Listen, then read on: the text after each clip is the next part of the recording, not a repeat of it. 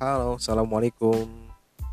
Kembali lagi bersama saya teman-teman. Saya Apen Mulyana di podcast Love Life and Revolution. Ini adalah podcast kedua Rekaman kedua. Eh, Saya tetap membahas hal yang sama Kenapa saya memilih podcast. Menurut saya podcast lebih menguntungkan. Kenapa sih podcast disebut menguntungkan? Karena eh, di podcast saya bisa lebih fleksibel teman-teman nggak tahu hari ini saya rekaman pakai baju apa pakai warna apa kemudian pakai celana kayak gimana gitu ya. Nah ini salah satu keuntungan menurut saya di podcast dibandingkan dengan media yang lain gitu ya. Yang kedua podcast itu pemainnya belum begitu banyak. Podcast pemainnya be- belum begitu banyak di Indonesia tapi kalau di luar negeri sih sudah banyak gitu ya di Amerika banyak podcaster-podcaster. Nah,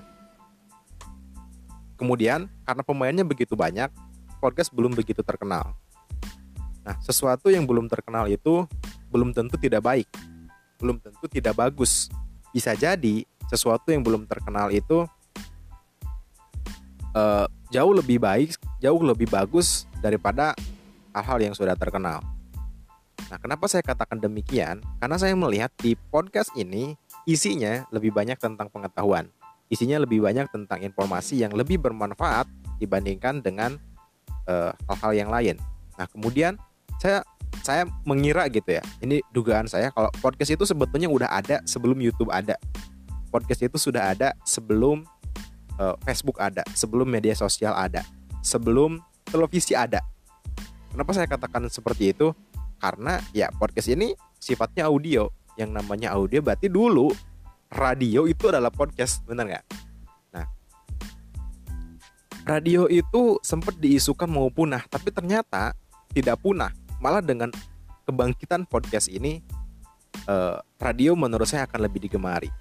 Orang-orang yang bisa speakingnya lebih bagus itu akan lebih dicari. Ah, akan lebih banyak followers lah minimal gitu ya. Itu kenapa saya katakan podcast ada sebelum YouTube ada? Karena dulu saya sering dengar ceramah Zainuddin MZ orang tua saya sering dengerin eh, sering nyetel ceramahnya eh ceramah-ceramah ustadz gitu ya ceramah-ceramah kiai. Nah itu kan podcast gitu ya. Itu kan eh, audio gitu.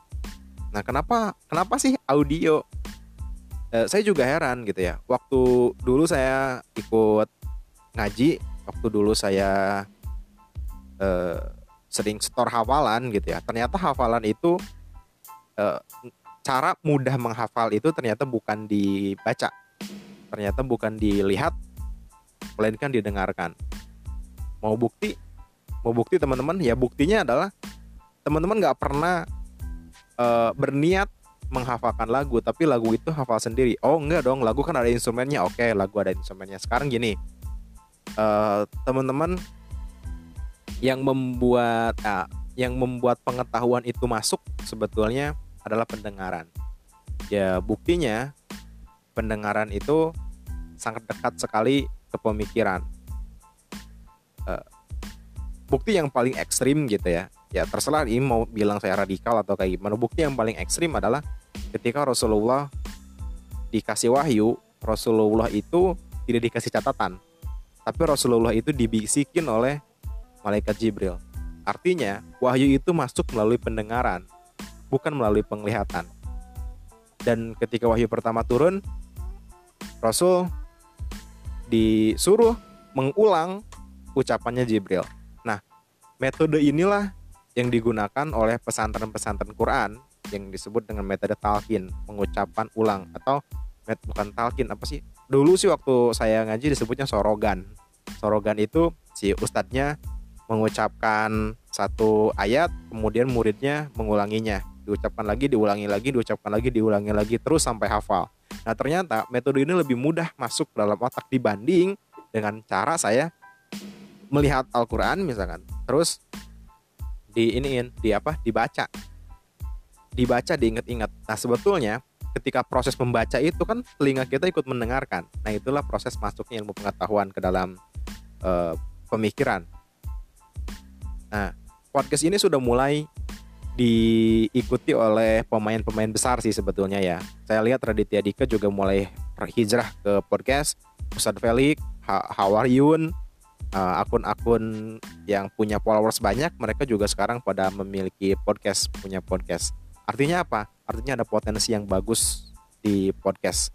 Bahkan Ustadz Felix sampai sampai mengatakan bahwa sedikit kemaksiatan di podcast dibanding YouTube. Kenapa? YouTube itu ada pornografi, podcast itu sangat kecil kemungkinan ada pornografi. Memang ada kemaksiatan yang dilakukan oleh pendengaran, tapi mungkin tidak pornografi karena namanya pornografi itu pasti melalui penglihatan. Dan Ustadz Felix sampai dengan tegas mengatakan dia bilang bahwa pendengaran itu sangat dekat dengan pemikiran dan penglihatan itu sangat dekat dengan kemaksiatan.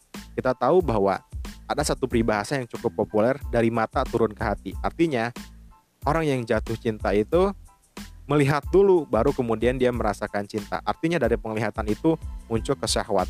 Itu cinta itu kan syahwat kan salah satu nafsu gitu ya. Nah, berbeda dengan pendengaran. Pendengaran itu nggak ke syahwat gitu ya. Tapi ke pemikiran.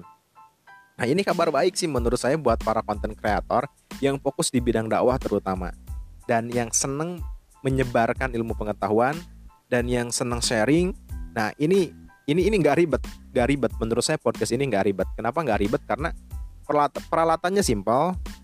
Uh, saya juga ya memang konten tetap kalau kata Radit konten is king gitu ya. Konten itu adalah rajanya gitu. Percuma saya ngomong cuap-cuap banyak tapi omong kosong kan percuma juga gitu ya. Tetap harus dipikirin kontennya apa.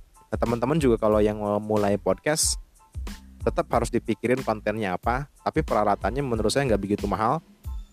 Nggak butuh kamera yang bagus karena nggak nggak pakai kamera. Ya memang kalau pengen yang bagus yang jernih uh, mikrofon juga setelah saya masuk ke dalam dunia ini gitu ya mempelajari tentang podcast ternyata mikrofonnya juga mahal-mahal nah tapi kan bisa menggunakan mikrofon yang seadanya. Mikrofon yang ada di handphone itu udah bagus. Seperti ini yang saya gunakan ini dari handphone bawaan handphonenya.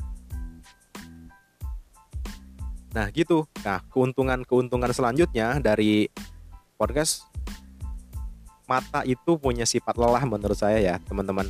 Gak mungkin saya bisa nonton lebih dari tiga jam bahkan 10 menit kalau filmnya membosankan pasti udah udah kesel nontonnya. Beda misalkan dengan nonton Avenger itu hal lain gitu ya. Itu kan tiga jam kuat lah karena filmnya bagus efeknya bagus gitu ya. Ceritanya juga menarik. Misal ya yang para suka Avenger. Nah tapi kalau konten yang nggak begitu bagus pasti bosen. Nah kalau pendengaran tuh nggak. Di episode sebelumnya saya udah ngejelasin bahwa podcast ini bisa didengarkan di mana saja sambil kerja sambil masak sambil tidurin anak misalkan sambil uh, sambil apa pun itu karena ini menjadi hal yang kedua tidak butuh konsentrasi yang banyak. Konsentrasinya lebih sedikit dengan pendengaran. Nah karena itu podcast bisa menjadi solusi bagi penyebaran informasi yang lebih bermanfaat hal-hal yang berat hal-hal yang berbobot bisa disampaikan di podcast dengan lebih ringan. Menurut saya sih kayak gitu. Saya banyak dengar podcast yang uh, pembahasannya itu berat-berat gitu. Bahkan dari judulnya aja udah bahasa Inggris. Tapi isinya ringan banget. Karena kenapa? Karena saya sambil mendengarkannya sambil relax. Orang yang mendengarkan mendengarkan lagu itu pasti dalam keadaan relax. Gak mungkin tegang orang yang ikut seminar sih yang biasanya tegang gitu. Nah itu saja mungkin untuk episode kedua ini tentang podcast saya tidak akan bikin episode ketiga. Gak, gak harus saya bikin trilogi kali ya untuk tentang apa ini podcast. Ya jelas menurut saya podcast ini sangat menguntungkan. Peralatannya lebih mudah konten-kontennya lebih banyak yang berkualitas. Kemudian podcast ini adalah menurut saya menjadi hal yang uh, akan booming ke depan. Nah terakhir deh sebelum saya tutup. Uh, ini teman-teman. Pernah nggak sih dulu eh bukan dulu ya sekarang gitu saat ini orang-orang anak kecil itu cita-citanya itu udah nggak sama kayak cita-cita waktu saya dulu kecil anak kecil dulu mungkin kalau ditanya cita-cita mau jadi apa dia jawabnya mau jadi insinyur mau jadi arsitek, mau jadi polisi, mau jadi dokter, mau jadi presiden, uh, hal-hal yang normatif lain gitu ya. Tapi saat ini kalau ditanya uh, cita-cita mau jadi apa, mereka menjawab dengan sangat polos, dengan sangat ringan mengatakan saya ingin jadi youtubers, saya ingin jadi selebgram. Coba uh, aneh nggak sih? Mungkin dulu cita-cita yang dulu nggak ada sekarang menjadi ada podcast juga menurut saya akan menjadi cita-cita selanjutnya bagi anak milenial. Terima kasih. Wassalamualaikum warahmatullahi wabarakatuh.